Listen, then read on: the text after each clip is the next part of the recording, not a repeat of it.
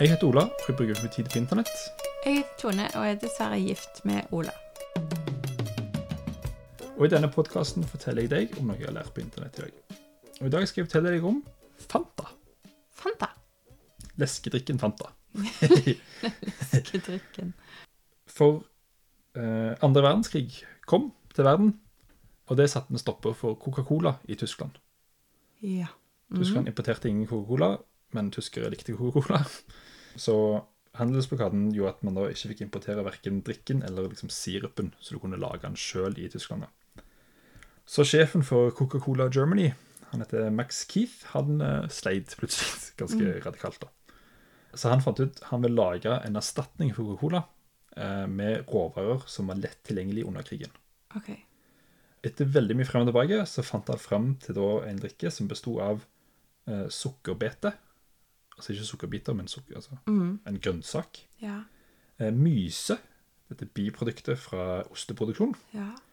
Eh, og pressrester fra eple, altså skall og skrått av eple. Å, dette høres ikke umiddelbart godt ut. De tre tingene sammen Ja. eh, lagde han da og tenkte dette smaker jo litt som cola. Eh, som jeg sa, dette var leftovers av leftovers. Ja. Virkelig, liksom, men det det var masse av det, så du kunne lage mye. da. Mm. Så han kalte sammen alle i Coca-Cola Germany og sa du, nå har jeg funnet dette her, kan vi selge som cola? Dette går fint. Og Alle i rommet bare så på hverandre og drakk det. og En tørde å si sannheten og sa dette smaker jo ikke i nærheten av Coca-Cola. så noe man ikke nødvendigvis tørde å si imot. da. Men en fyr gjorde det, og da svarte han eh, visstnok Benutzen deine Fantasie. Ja, OK. Hvis du bare bruker fantasien din, så smaker det som cola. Og der kommer navnet Fanta fra. Ah, Bruk fantasien din, så smaker dette som cola. Noe det virkelig ikke gjør i det hele tatt. så hvis du bare later som, så kan du tenke at du drikker Coca-Cola. Der kom navnet fra. for det er Fanta. Men dette er, ikke, er dette starten på Fanta? Dette er Fanta. Der fant de opp Fanta.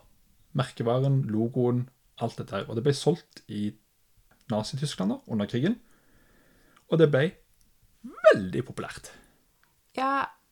eh, Og så utvikler det seg til Fanta som vi kjenner i dag? Ja, jeg kommer til det. Å ja, unnskyld. Eh, så i 1943, det eneste tallet i eh, salgstall jeg har funnet, så ble det solgt tre millioner flasker Fanta i Tyskland. OK. Og det var da under krigen. Men eh, de tre millioner flaskene ble omtrent ingen ble drukket.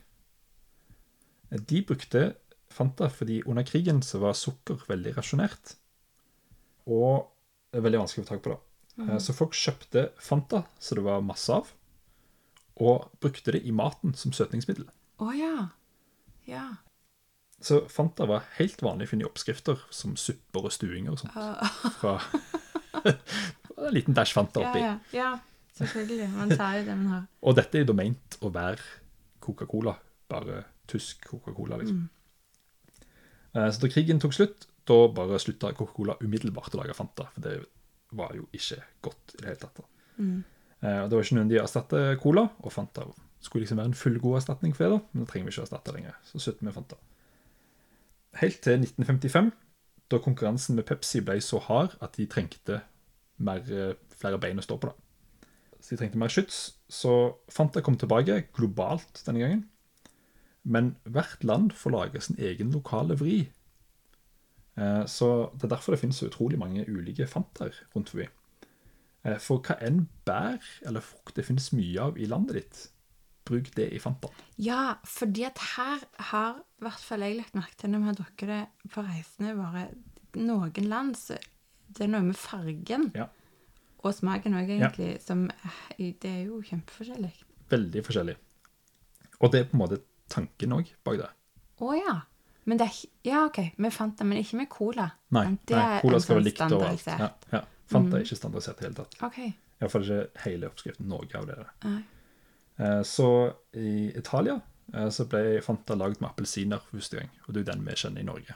Ja. Eh, I Nederland så ble den lagd med hullebær.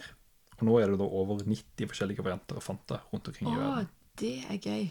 Så det er liksom hvem du har i landet ditt, bruk det. Ja. Det er ment å være leftovers, sant? så du skal ha mye av det. Det var liksom grunntanken til Fanta.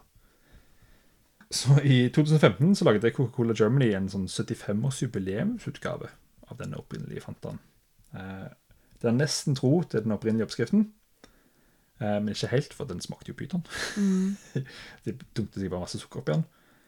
Så de slo på stortromma, svære annonser. De plakaterte hele Tyskland med liksom Fanta. Nå er det tilbake. Et litt feilslått slagord. Åh. The feeling of the good old days. Åh, Altså Nazi-Tyskland. ja. Den kampanjen varte i et par dager, og mange folk fikk sparken. Ja. Uff da.